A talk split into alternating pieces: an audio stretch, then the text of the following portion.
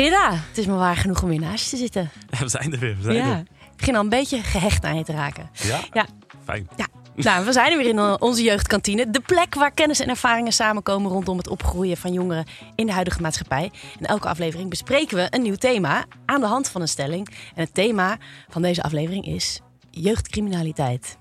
Yes. En bij dat thema hoort natuurlijk een stelling, zoals je al hebt gezegd. En dat, ja, die zit hier in dit eh, prachtige bakje waar, waar we Nog elke keer weer Ja. wat uithalen.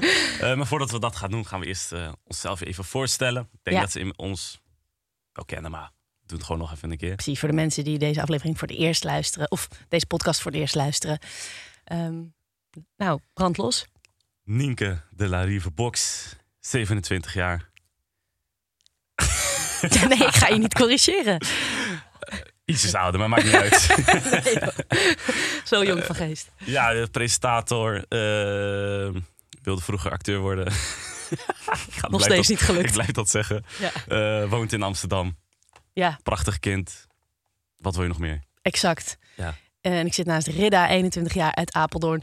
Een van de meest talentvolle content creators en presentatoren van het moment. Wauw. Eh, jullie gaan nog veel van hem horen. Goed, gaan beginnen. doen. eh. ja, zal ik gewoon eh, zal ik een stelling gaan pakken? Kom maar door. eh, vormt eigenlijk elke aflevering weer het startpunt van deze podcast. Met vandaag, in de criminaliteit belanden gebeurt sneller dan je denkt. Is dat zo volgens jou? Ik denk het wel. Ik denk het wel. Want het begint natuurlijk altijd heel klein. En op een gegeven moment, voor je doe je grotere dingen. En dan gaat het heel snel. En op een gegeven moment zit je in dat circuit. Mhm. Ehm, dus volgens mij gaat het wel, eh, kan het veel sneller gaan dan mensen denken. Ja, ken je mensen die eh, op het verkeerde pad zijn beland? Ehm, ik, ken, ik, ken, ik ken redelijk wat mensen ja, die, die- met wie ik ben opgegroeid, die, ehm, ja, die eigenlijk door hele domme dingen eh, in, in jeugddetentie zijn beland, of gevangenissen, of weet ik veel wat. En die nu misschien nog steeds op dat, in, in dat circuit zitten. En daar is het ook ja, heel klein begonnen. Ja, ja. Gewoon bepaalde, eh, bepaalde dingen heel snel even brengen naar bepaalde personen. Of soms ben je gewoon op de verkeerde plek. Dat Ja. kan ook nog eens meespelen. En dan word je gewoon mee, eh, mee, meegesleurd door groepsdruk en weet ik veel wat allemaal. Dus het kan echt heel snel gaan. ja. En is dat bij jou vroeger? Was dat...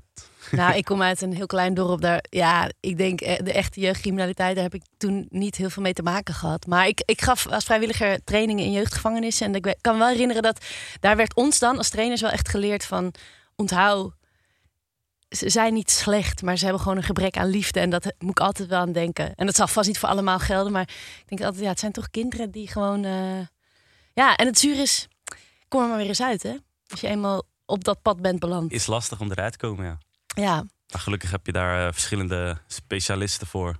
Waaronder een paar die wij eh, vandaag gaan spreken. Ja, heel fijn dat ze er zijn. De eerste gast staat voor de deur. Ja, kom in. Wesley Jeffers. Hey, Hoe is het? Goed? hallo. Hi, Wesley. Jeetje man, in voornaat. Ga lekker zitten in uniform. Ik voel me een beetje underdressed, joh.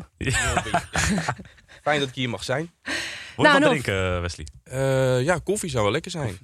Hey, super fijn dat je er bent. Nou, bedankt nogmaals dat ik hier mag zijn. Ja, en bedankt voor de koffie.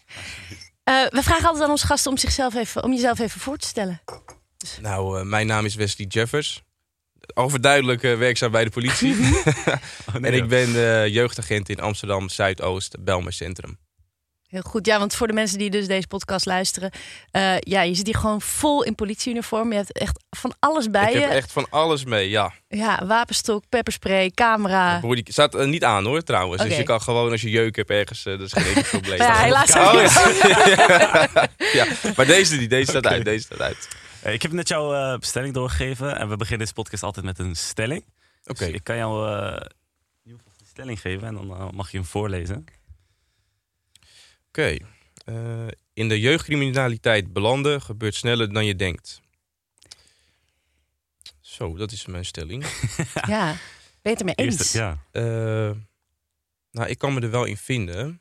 eh, omdat ik zelf zeg maar werkgerelateerd casussen heb meegemaakt waarin jongeren, eh, wat oudere jongeren zien als misschien een broeder of wat dan ook, eh, bepaalde attributes hebben gekregen en dan uiteindelijk er iets voor terug moeten doen Wat in negatieve zin. An- attributes, eh, bijvoorbeeld eh, snus of andere dingen die dan echt hip zijn. Snus? Ja, dat zeg maar dat, dat extra nicotine, dat bak in je, Oh, ja. zak in je mond. Wat heel erg verslavend werkt. En ik heb wel eens casus gehad waarin dat dan als gift werd gegeven. En dan uiteindelijk moet je er iets voor terug doen in negatieve zin. Dus eh, als ik dan naar de stelling kijk, slechts hem zojuist heb gelezen, kan ik me daarin wel eh, vinden. Ja. Ja. Ja, want Rida, wij hadden het er net al even met z'n tweeën over. Je zei het ook gewoon, soms beland je, beland je er eigenlijk in zonder dat je het zelf doorhebt. Ja, dat, eh, dat ja. zou zeker kunnen gebeuren. Ja, ja. Ja.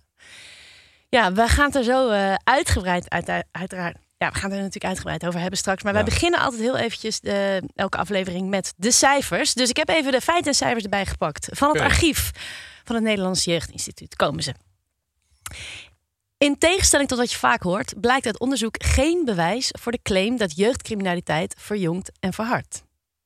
Vind ik een interessante. Sinds 2010 is het aantal minderjarige verdachten meer dan gehalveerd. In 2022 werden 16.800 minderjarigen verdacht en 22.800 jongvolwassenen. De laatste jaren lijkt de daling van jeugdcriminaliteit wat te stagneren. Maar sommige vormen van jeugdcriminaliteit nemen in de laatste jaren toe, zoals cybercrime. Ja, Ja, de, de- deze cijfers vind ik dus wel bijzonder. Want als ik zonder de cijfers zou ik denk van het wordt alleen maar erger. Het is eh, een soort van wilde westen hier in, eh, in Nederland. Steeds meer jongeren komen de criminaliteit in. Als je dan dat hoort, dan is het toch wel weer tegenstrijdig of zo, toch? Als ik heel eerlijk moet zijn, elke vorm van criminaliteit, eh, verdachte situatie, iets wat gepleegd wordt door een jongere, is er naar mijn idee één te veel. Eh, want ja, de jongeren zijn wel de toekomst. En ja, ik werk dus dagelijks met de toekomst. En ik wil dat een ieder van ons in Nederland gewoon een goede toekomst krijgt. ja. ja want jij eh, zei het net al, je werkt in de Belmar. Ja. Ehm, is dat bewust zo gegaan? Hoe ben je daar beland? Ehm, nou ja, het was zeg maar zo. Ik heb hiervoor in de pijp gewerkt. En uiteindelijk eh, was ik klaar met de opleiding. En dan mag je, of tenminste toen de tijd, mocht je top drie uitkiezen. En ja, ik heb me eigenlijk altijd thuis gevoeld in Zuidoost. Eh, ik zeg persoonlijk altijd van je hebt Amsterdam en je hebt Amsterdam Zuidoost. Het is echt een eigen gebied. Zoveel verschillende culturen. En ik voel me daar echt heel erg in thuis. En dan hebben we het nog niet eens over het lekkere eten. Eh, Voor tijdens je pauzes. voor, eh, ja, of na het werk. Maar ehm, nee, ik vind het geweldig om in Amsterdam Zuidoost te werken. En voor mij persoonlijk lagen daar de meeste kansen. Omdat ik, wat ik eigenlijk in het begin al zei, weet je, de jongeren zijn de toekomst. En ik wil daar ook echt voor de jongeren in Zuidoost zijn. En, en, en nou ja, je werkt daar natuurlijk dus. Wat, wat, wat voor wijk is het? Wat, wat maak je daar mee? Ja. Wat maak je daar mee? Ja, buiten eh, de meldingen die er denk ik overal wel zijn in, eh, in Nederland als het gaat om eh, vechtpartijen, reanimaties. Mhm. merk je toch wel dat er ook heel veel steekincidenten zijn geweest. of vechtpartijen waarin toch wel op een of andere manier jongeren in beeld komen. Eh, maar ook vervelende dingen, want ik werd net ook iets over cybercrime eh, verteld. Je merkt gewoon dat het leven als hoe wij die als jongeren hebben meegemaakt heel anders is dan de jongeren van nu. Eh, en ik denk persoonlijk dat wij qua het digitale leven misschien maar het, het topje van de ijsberg hebben gezien tot nu toe. Want het leven is digitaal voor jongeren. En daarin heb ik helaas ook een casus meegemaakt dat er uiteindelijk iemand, ik weet niet of dat in zoverre echt met social media, maar dat je toch eh, ziet dat jongeren, eh, dat hun leven echt wel een hel wordt gemaakt. Ja, want ik hoor inderdaad heel erg dat je zegt van ja, ik, ik wil er heel graag vroeg bij zijn. Eigenlijk preventief helpen. Zeker. Ja, in hoeverre Ja. kan dat? Nou, als we kijken hier eh, aan het begin van de podcast had je het over cijfers. En ja, dat is met dit werk eigenlijk heel lastig, omdat je niet weet wat eh, jouw aandeel uiteindelijk voor effect heeft cijfermatig. Want als je een jongere ziet en je ziet dat hij misschien niet echt eh, ja, zijn aandacht op school heeft of dat het thuis niet lekker loopt eh, en je hebt een gesprek met een jongere, ja, het kan zomaar zijn dat dat pas over twee, drie jaar positieve gevolgen heeft. Maar dat is cijfermatig heel lastig te toetsen. Ja. Zijn er bepaalde kenmerken of zeg maar ingrediënten waar je op kan letten waarvan je denkt, oké, dit zijn wel ehm, alarmerende dingen om, om eventueel in de criminaliteit te belanden? Nou, ik denk dat dat. ehm, daar spelen zoveel factoren bij, omdat je weet eigenlijk eh, niet wat nou maakt waarom bepaalde jongeren een, een keuze maken. En dat maakt het heel erg lastig. En oh, ik heb daar wel een voorbeeld bij. Eh, ergens dit jaar is er een jongen aange- aangehouden omdat er een vuurwapen was aangetroffen in zijn auto. Nou, ik was daar niet als eerste plaatsen, maar ik werd wel, ja, het was nachtdienst, dus ja, eh, je bent overal sneller en ik wilde er wel bij zijn. Eh, en uiteindelijk werd aan mij en mijn collega gevraagd om hem naar het cellencomplex in Amsterdam Zuidoost te vervoeren. Nou, mijn collega reed en ik zat achter in de auto samen met de, met de verdachte. Jonge jongen.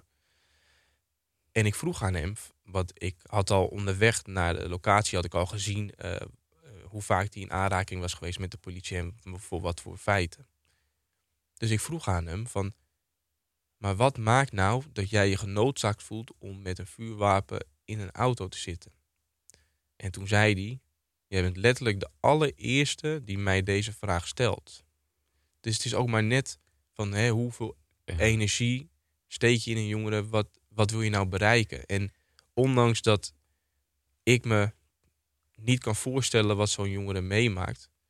Ja, ik kan me wel inbeelden, maar ik zal nooit die emotie hebben die zo'n jongere meemaakt. Maar we kunnen wel, op dat moment is er een connectie. Dus je kan wel met elkaar sparren. En als er één ding is wat, uh, wat jongeren ook voelen is... ben je real of niet? Doe je het omdat het je werk is of wil je er echt voor iemand zijn? En dat is niet gemaakt. Dat, dat, dat is er of dat is er niet. Ja, dus jij, eh, ook qua benadering is het anders. Zeg maar, in plaats van hem gelijk een stempel of een eh, te bestempelen als iets, probeer je echt achter, achter komen waarom hij bepaalde Zeker. dingen doet. Ja, Ik, ik, keur de, ik keur de mens niet af, ik keur het gedrag af. Ja. En daarover kunnen wij in gesprek gaan. En uiteindelijk hoop je dat de jongere uh, verandert en het inziet. Alleen uh, je moet je wel bewust zijn dat ja, je, je hebt het wel over jongeren. Het brein is nog niet ontwikkeld. En je weet niet wat hij, zij of uh, hoe een ieder uh, zich identificeert, heeft meegemaakt in het leven. Dat, ja. dat weet je gewoon niet. En wat voor emoties daarbij komen, dat is gewoon uh, altijd aftasten en dan kijken, weet je, zit er al hulpverlening in of niet?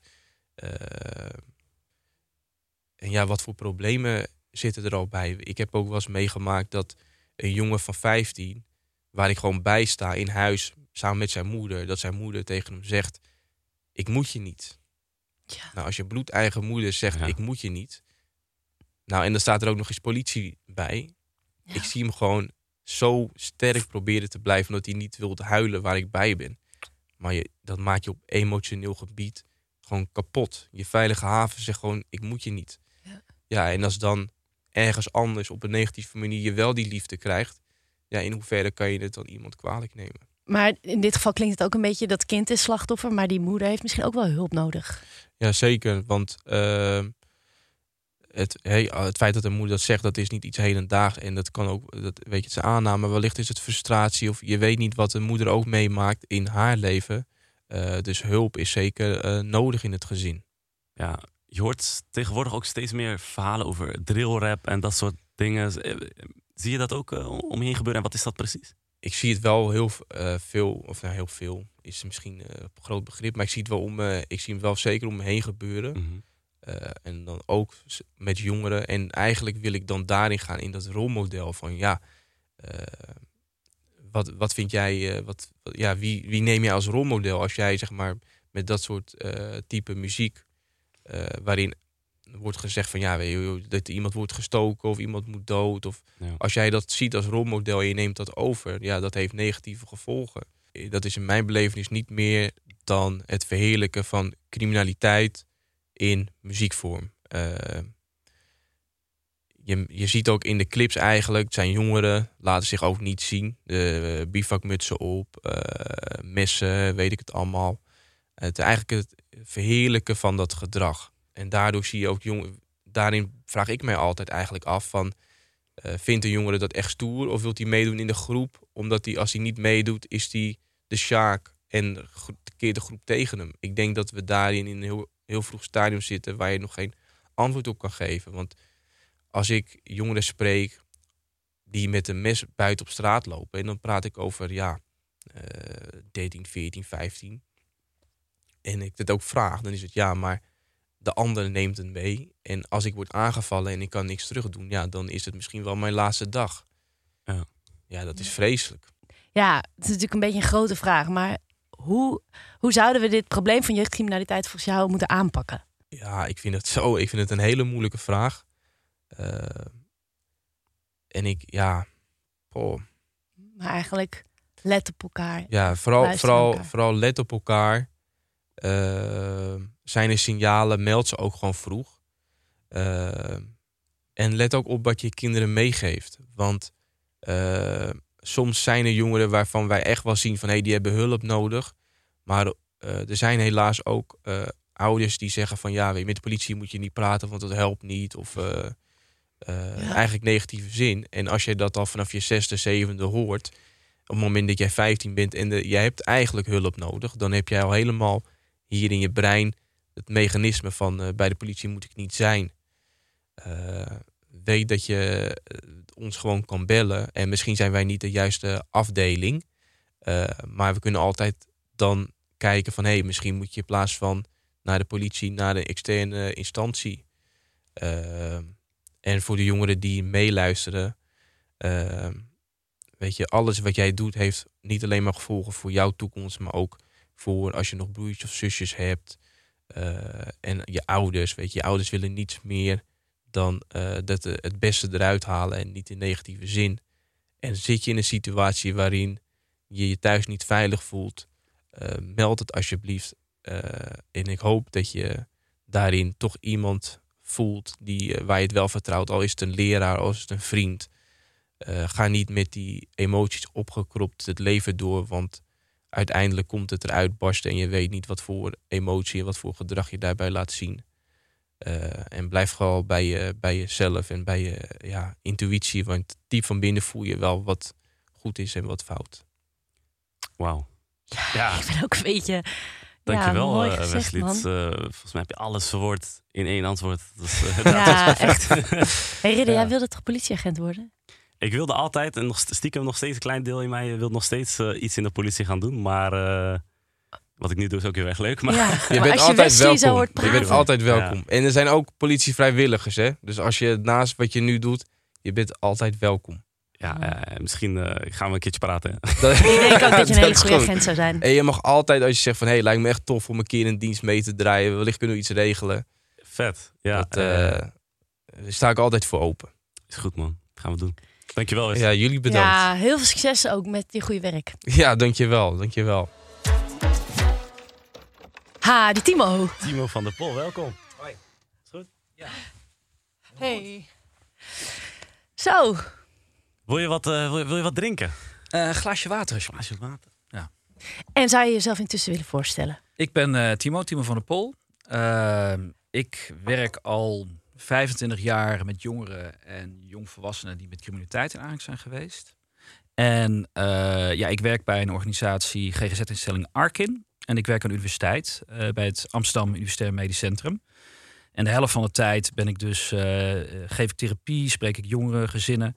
En de andere helft van de tijd doen we allerlei onderzoek om te kijken eh, wat we kunnen doen om jeugdcriminaliteit tegen te gaan. Klinkt heel goed. Voordat we daar verder over in gesprek gaan, gaan we eerst even kijken wat de jongeren op straat van de stelling vinden. Ik ben benieuwd. In de criminaliteit belanden gebeurt sneller dan je denkt. Het ligt aan je omgeving, met de personen waarmee je omgaat. Als je, als je omgaat met de slechte personen, dan kan het wel zo zijn dat je er sneller in belandt natuurlijk. Maar dat geldt niet voor iedereen. Ik zie mezelf daar niet zo gauw in belanden omdat ik niet dat soort mensen om me heen heb. Maar als je in bepaalde buurten bent opgegroeid, dan kan dat wel sneller voorkomen. Ik zelf ben er niet heel erg mee eens, omdat ik denk dat een persoon zelf de keuze kan maken of hij of zij eh, in de criminaliteit gaat. Natuurlijk is de situatie wel anders. De ene persoon heeft het net wat breder dan de andere persoon. Maar goed, voor alles is een oplossing, toch? Ik denk dat je sneller in de criminaliteit belandt dan dat je denkt. Vooral denk ik door de middelbare school. Ik denk dat jongeren vooral met elkaar omgaan en dingen gebeuren en dat ze daardoor heel snel beïnvloedbaar zijn. Dus dat ze daardoor ook eh, sneller in criminaliteit behandelen. Ja, Ja, Timo. klopt het wat zij denken? Nou, heel veel dingen wat ze zeggen eh, kloppen echt. Dus ehm, ja, als ik hem zou moeten beantwoorden, zou ik zeggen... ik denk niet dat jongeren heel snel in de criminaliteit eh, belanden. Eh, maar ieder jongere heeft zijn eigen verhaal. Dus eh, wat zal zeggen, eh, heb je armoede, woon je in een bepaalde wijk waar heel veel gedoe is, is het thuis heel erg lastig, ben je zelf verslaafd, gaat niet goed op school.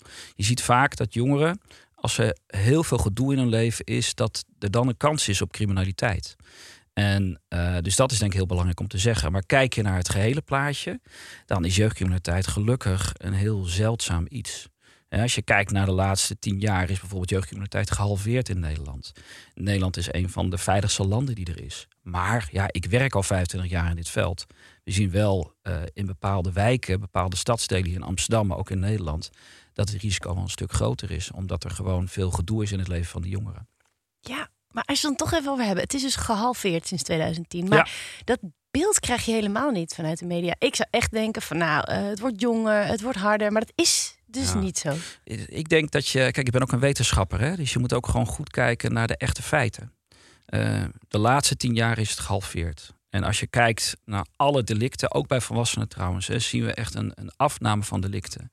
Maar we zien wel dat bepaalde categorieën van feiten, bijvoorbeeld cybercrime en uh, steek- en schietincidenten, er wel een stijging is geweest. Alhoewel, die laatste lijkt ook weer wat af te vlakken het afgelopen jaar.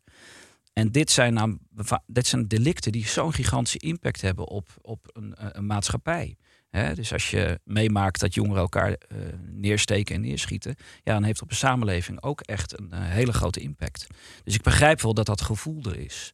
Uh, maar we moeten wel eerlijk zijn. Nederland is echt een heel veilig land. En de kans dat je als jongere criminaliteit ingaat, is niet zo groot. Daar moet een verhaal achter zitten. En die is er. En daar moeten we wat aan doen. Maar uh, ja, we moeten ook naar de feiten kijken. Maar Nederland is een veilig land, zeg je dan. Maar van waar komt dat gevoel dan dat, uh, dat wij allemaal denken dat het juist niet zo veilig is hier? Nou ja, ik denk zeker uh, ook tijdens corona de afgelopen jaren dat uh, het is een stijging geweest van schiet- en, en steekincidenten. Tot 2020 30% in Nederland, in Amsterdam bijna verdrievoudigd. En dan zag je ook, en dat zag ik ook in mijn praktijk. Hè, normaal hadden we ja, één of twee heftige incidenten per jaar. Terwijl we in één jaar hadden we er elf. Zo. Ja, en dat heeft een gigantische impact. Vandaar ook dat de politiek terecht en ook de stad uh, ja, op zijn achterste, achterste benen staat. Dus ja, dat is gewoon heel erg heftig en het doet heel veel. En daar maak ik me ook heel veel zorgen om. En wat ik dan hoor van die families, is dat het gewoon heel moeilijk is. Weet je, dat, ze, dat er armoede is, dat er uh, ja, veel spanningen zijn in het gezin. Dat jongeren voelen dat ze geen perspectief hebben in het leven. Dat ze kwaad zijn op de maatschappij. Ja, dat hoor ik meer en meer. Ik denk ook wel, en dat laten cijfers ook wel zien, dat, dat in bepaalde delen van Nederland de ongelijkheid aan het toenemen is. Hè? En dat we daar wat aan gaan doen. Hè? En dat je ook preventief probeert in wijken dingen aan te pakken. Maar desalniettemin is het dus ook gehalveerd. Wat is daar dan de oorzaak van? Weet mij niet zo goed. Want het is niet alleen in Nederland. Het is eigenlijk in alle westerse landen ter wereld. zien we een afname van criminaliteit. Er zijn natuurlijk wel theorieën. Um, en je ziet ook dat begin of in de midden jaren negentig dat je dat patroon ziet. Maar dus ook in landen waarvan we weten, ook door onderzoeken, als je heel hard straft, zoals bepaalde staten in Amerika, zie je een heel hoog recidivecijfer, een heel hoog criminaliteitscijfer. En um, maar ook landen waar, zoals bijvoorbeeld Scandinavië, uh, waarin resocialisatie heel belangrijk is, waar jongeren veel meer kansen krijgen, daar zie je het ook dalen. Wat Eén, kan je dat eens uitleggen, resocialisatie? Resocialisatie is dat je helpt jongeren als ze bijvoorbeeld vast hebben gezeten of als ze problemen hebben weer op hun benen te helpen. Hm. He, dus bijvoorbeeld door uh, opleiding, door een woning te organiseren, door therapie te geven. Dus niet alleen straffen, maar daarna ook echt weer helpen. Ja. Ja, Ridder, ik weet niet. Ja, ik heb, in mijn hoofd is het nog, ruimt het nog niet helemaal. Want je noemde aan het begin dus wel van ja. Uh, uh, kansenongelijkheid neemt toe in bepaalde buurten met als gevolg. Ja. En toch neemt criminaliteit nou ja, nog af. even naar die reden, hè, hoe dat komt. Hè. Kijk, ik denk dat een belangrijke reden is dat onze samenleving in de midden jaren negentig is gigantisch veranderd door de opkomst van uh, internet. He, dus vroeger, als ik, nou, als ik naar Reden toeliep en, ik, toeliep en ik wilde hem slaan, ik voelde het in mijn buik, weet je dan. En, uh, ja, zou ik niet proberen bij hem. Zou ik zeker ook niet proberen, dat verlies ik. Uh, maar als je dat tegenwoordig zou doen, nou, wat gebeurt er dan? Als ik naar jou ja. toe zou lopen en ik zou jou, ik zou jou uitschelden, wat, wat gebeurt er? Ja, dan trekken ze messen of uh, andere wapens. Ja, dat ook. Maar ook de mobiele telefoons door de oh, omstanders. Dat, ja, weet je? dus de sociale controle is veel groter. Ook als je gefrustreerd bent, nou wat zien we toenemen? Cybercrime. Ja, weet je, op social media Klopt. zien we natuurlijk ook dat jongeren elkaar helemaal verrot schelden. En, en mensen dus een uitlaatklep hebben. Dus ik denk dat dat een belangrijke factor is waarom criminaliteit veranderd is in de maatschappij. Ja. Maar ook, het, ook dus veel, ik heb ook het gevoel dat het veel zwaarder is geworden. Want in het, wat, dus wat ik net zeg van ja. vroeger was het gewoon man tot man op schoolpleinen. Daar, daar, heb je gelijk in. Het is zwaarder geworden. Daar zie je ook een toename. Hè? Ja. Het, alhoewel het nu wat lijkt af te vlakken. En dat heeft een gigantische impact. Maar het zijn hele kleine aantallen, gelukkig. Ja, ja. Maar toch, het neemt toe. En daarom eh, dat we daar wat aan moeten doen. En het is ook zo, wat ik zie in de praktijk, dat het ook jonger wordt. Hè? Dat we ook eh, jongeren van 12, 13 jaar hebben die met messen rondlopen en steken. Ja, dat is natuurlijk heel zorgelijk. Maar ik mag dan heel even inbreken, want ik begrijp het dan nu toch niet helemaal. Want in die feiten zeggen we, in tegenstelling tot wat je vaak hoort, blijkt het onderzoek geen wijs voor de claim dat jeugdcriminaliteit verjongt en verhardt. Maar jij zegt eigenlijk, we zien het verjongen en we zien het verharden. Dus wat is nou, waar moeten Het is hoe je naar het probleem kijkt. Dus eh, als je naar de grote cijfers kijkt, dan klopt het inderdaad niet dat het verjongt en verhardt. Ja? Ja? Maar als je dus naar bepaalde categorieën kijkt, bijvoorbeeld steek- en schietincidenten, dat zie je wel. En dat is juist zo heftig. Dat heeft zo'n impact op de maatschappij. Dus het is, het is maar hoe je naar de cijfers kijkt en wat je eruit haalt. Het algemene verhaal is: Nederland wordt veiliger, jeugdcriminaliteit neemt af en ook heel sterk. Maar cybercrime, schiet- en steekincidenten, dat neemt toe. Maar goed, dan hebben we het over 100 gevallen of zo, bijvoorbeeld in Amsterdam in in hè. Oké. En op de hele bulk, waar duizenden, tienduizenden, honderdduizenden feiten zijn, kan je dat dus niet zo zeggen. Moorden nemen bijvoorbeeld ook af. Maar het wil niet zeggen dat die steek- en schietincidenten, ja, dat is gewoon een heel groot probleem. Dus je moet gewoon echt kijken naar de feiten. En dat wordt nog wel eens niet gedaan. Bijvoorbeeld is ook werd gezegd dat meiden dat dat toeneemt. Hè? Ja, dat is helemaal niet zo. Als je naar de cijfers kijkt, dan neemt het wel iets toe vergeleken met een jaar gel- geleden. Maar vergeleken met drie jaar geleden is het hetzelfde niveau. Dus het is ook hoe kijk je naar de cijfers en hoe, hoe praat je erover. Ja, want eh je werkt dus ook als forensisch therapeut Ja. en onderzoeker. Wa- Wat voor verhalen kom je tegen in je werk? Ah, zoveel, weet je. Ehm, ik, kom, ik kom vooral verhalen tegen die mij heel erg raken. Hè? Kijk, en als we het in het nieuws of op, in de krant lezen... dan zie je, ja, jeugdcriminaliteit verhard... of er zijn en schietincidenten. Maar als je dan die jongeren hoort, wat, er, eh, wat het verhaal erachter zit... Hè? eh, ja, dan doet het jou heel veel. Dus ik kan wel een voorbeeld geven. Jongeren die heel jong scheiding heeft meegemaakt... ehm, eh, in elkaar werd geslagen door zijn vader. Het huis is, uit huis is geplaatst eh, toen hij al heel jong was, weet je. In zeven verschillende instellingen heeft gezeten. Eh, op school ging het niet, het een intelligente jongen is. Maar door gedragsproblemen lukte het niet. Ja, doordat hij zich niet gezien zag, ging hij drugs gebruiken, weet je. Dus dat soort verhalen hoor je allemaal. Dus veel trauma. Hè? Dus... je ziet gewoon veel, veel trauma in hun leven, veel eh, armoede. eh, eh, ja, dus het is, als je dat verhaal dan volgt, dan kan je ook wel begrijpen waarom jongeren dan op een gegeven moment een keus maken om de criminaliteit in te gaan. Ik zeg niet dat het goed is, maar het gebeurt wel. Ja. Ja. En dat mis, ons, dat, missen, dat mis ik soms wel eens in de discussie over jeugdcriminaliteit. En nieuwsgierigheid van ja, de stem van de jongeren. Weet je, Mhm. want die weten echt wel hoe je tegen kan gaan, wat de redenen zijn dat het gebeurt. En die zijn ook een, een belangrijk deel, denk ik het grootste gedeelte van de, van de oplossing. Net als hun familie. Weet je, die ook allemaal problemen hebben, maar allemaal willen ze dit niet. En als je dan hoort wat het verhaal is, hoe dat allemaal is gebeurd en waardoor ze uiteindelijk in de criminaliteit zijn beland, ja, dan kunnen we het ook een beetje begrijpen, kunnen we wat aan doen. Zou je er dan ook voor pleiten dat stel er wordt een, een misdrijf gepleegd, dat dat verhaal ook bekender wordt? Ja. verhaal erachter? Ja, als ik met jongeren werk, dan vind ik het ook heel belangrijk. Kijk, ze zijn ook vaak boos. Hè? Dat er in de thuissituatie eh, is er allemaal gedoe. Ouders maken ruzie bijvoorbeeld. Hè? Niet altijd, maar dat kan. Er is armoede. En jongens zijn heel loyaal naar familie. En eh, zullen nooit dat, dat als argument gebruiken. Want diep van binnen hebben ze wel zoiets. Ja, ik, word, ik moet nu gaan zitten. Ik heb nu dingen gedaan. En, maar om me heen is het allemaal gewoon rot. En daar wordt eigenlijk niet naar gekeken. En hoe zit dat dan? En dat zullen ze nooit zeggen. Want ze zijn ook heel trots. En eh, heel, ik generaliseer natuurlijk, maar met jongeren waar ik mee werk, zie ik dat heel vaak. En het duurt dus heel lang voordat ze eh, die kwetsbaarheid ook durven laten zien. Op de straat moet je hard zijn, moet je overleven, moet je, kan je niet snitchen. Weet je? Dat, is, dat is de cultuur. En dat begrijp ik ook heel goed. Maar de samenleving begrijpt dat niet. Maar wat ik wel mooi vind, als ze toch, en dan kunnen ze ook zonder te snitchen, gewoon hun verhaal vertellen. En vaak doe ik bijvoorbeeld dat ze dat een brief voorlezen aan de rechter, of ik lees dat voor. Ja, dan zie je dat een officier van justitie, een rechter, maar zelfs ook de andere kant, weet je, de, de, officier van justitie en, en, en, en de slachtoffers het ook kunnen begrijpen. Dus daar pleit ik wel meer voor. Eh, ook naar advocaten toe, die dat ook wel wat angstig daarin zijn. Maar als ik rechters train of ze les geef, dan zeggen ze dat dat heel veel doet. Dat ze het dan begrijpen en dat er dus ook andere straffen uit voortkomen. Dat heb ik vaak genoeg meegemaakt. Maar het is heel moeilijk, omdat ja, het is een pijnlijk verhaal. Wij vertellen ook niet, al niet eh, snel onze diepste geheimen. Ja, je beschrijft dus nu ook de relatie tussen, tussen die criminele jongeren en, en, en zijn omgeving, zeg maar. Ja. Maar wat zijn andere risicofactoren waardoor jongeren in de criminaliteit belanden? Ja, er zijn er heel veel. Hè. Dus eh, gezin eh, is heel erg belangrijk. Hè. Of de mensen die om je heen zijn, die belangrijk voor je zijn. Maar armoede is een hele belangrijke. Trauma's die je meemaakt als je jong bent, is ook een hele belangrijke. Hoe eh, goed je kan nadenken over de gevolgen van dingen die je doet. Niet iedereen kan dat even goed. Stress in je omgeving, school. Word je daar gepest of niet? Of eh, weet je, heb je daar de, nieuwste patta's aan of niet? Weet je, dat is heel belangrijk. Dus er zijn zoveel factoren die daarvan invloed op zijn. En nogmaals, de meeste jongeren die heel veel van deze stress, eh, stressvolle gebeurtenissen om zich heen hebben, worden niet crimineel.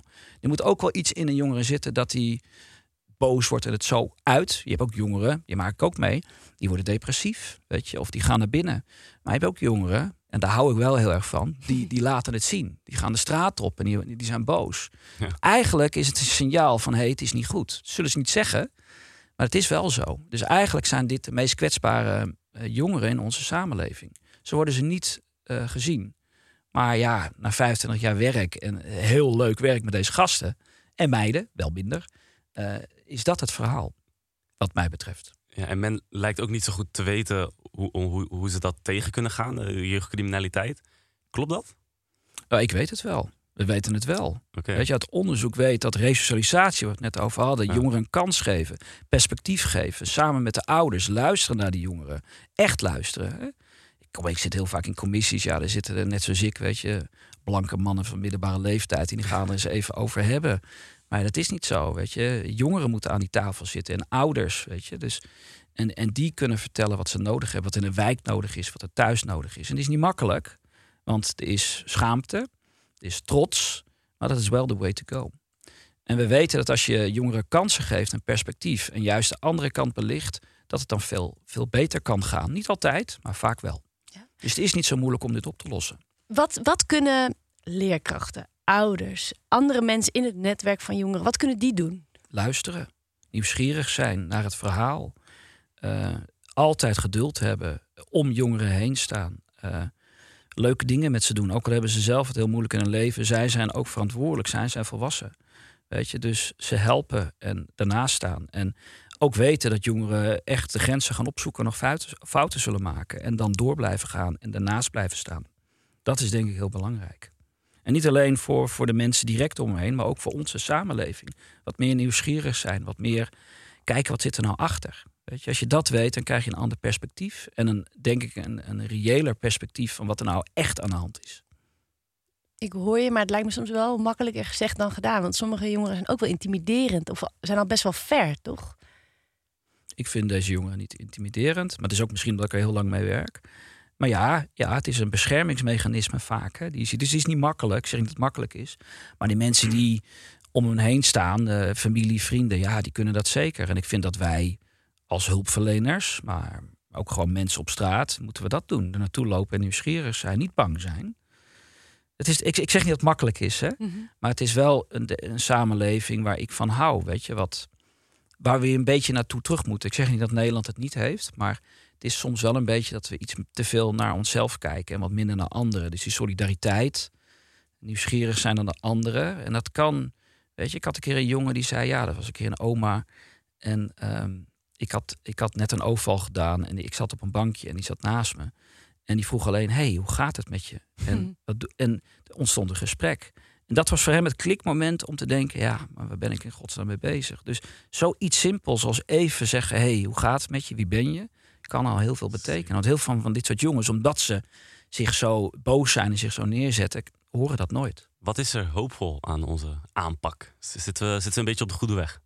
Welke aanpak bedoel je Ja, dan? gewoon van, van Nederland, of de, de aanpak hoe zij eh, jeugdcriminaliteit... eh, Nou, wat er hoopvol is, is dat ehm, we een heel mooi land zijn met heel veel mogelijkheden en heel veel. ehm, er wordt ook best wel veel in geïnvesteerd in jeugd. Het kan beter. Eh, Ik ben bijvoorbeeld, eh, nou, wat ik net al zei, meer kleinschalige voorzieningen, meer op dat, nog meer op dat perspectief zitten. Mhm. Eh, maar we hebben al heel veel, de infrastructuur en de organisaties zijn er.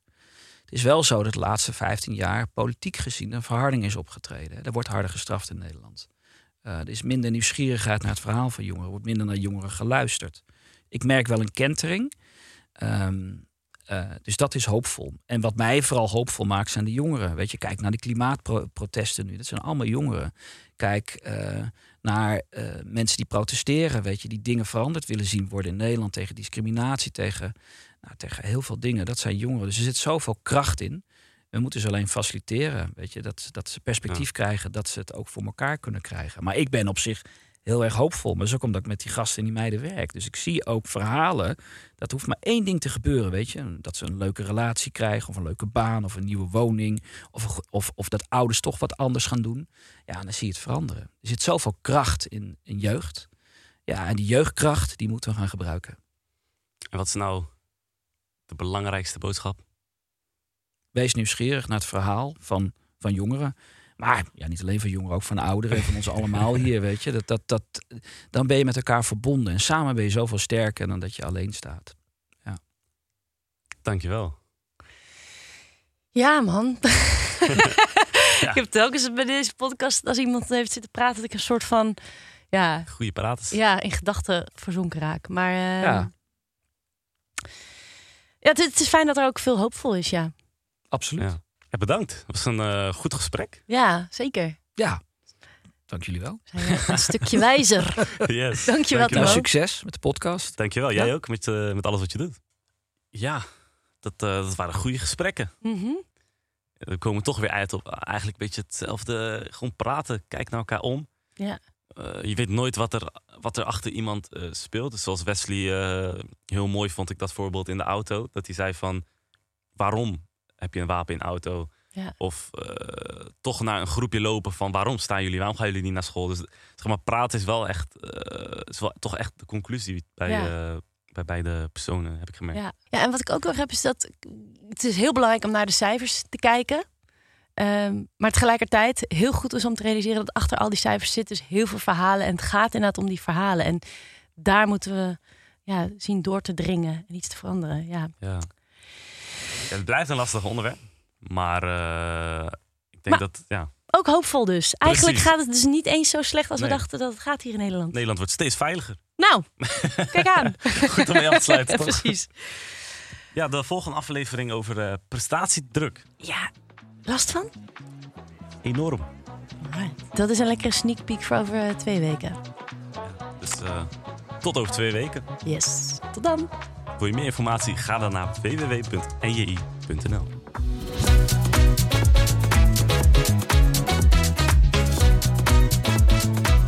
Een podcast van het NJI.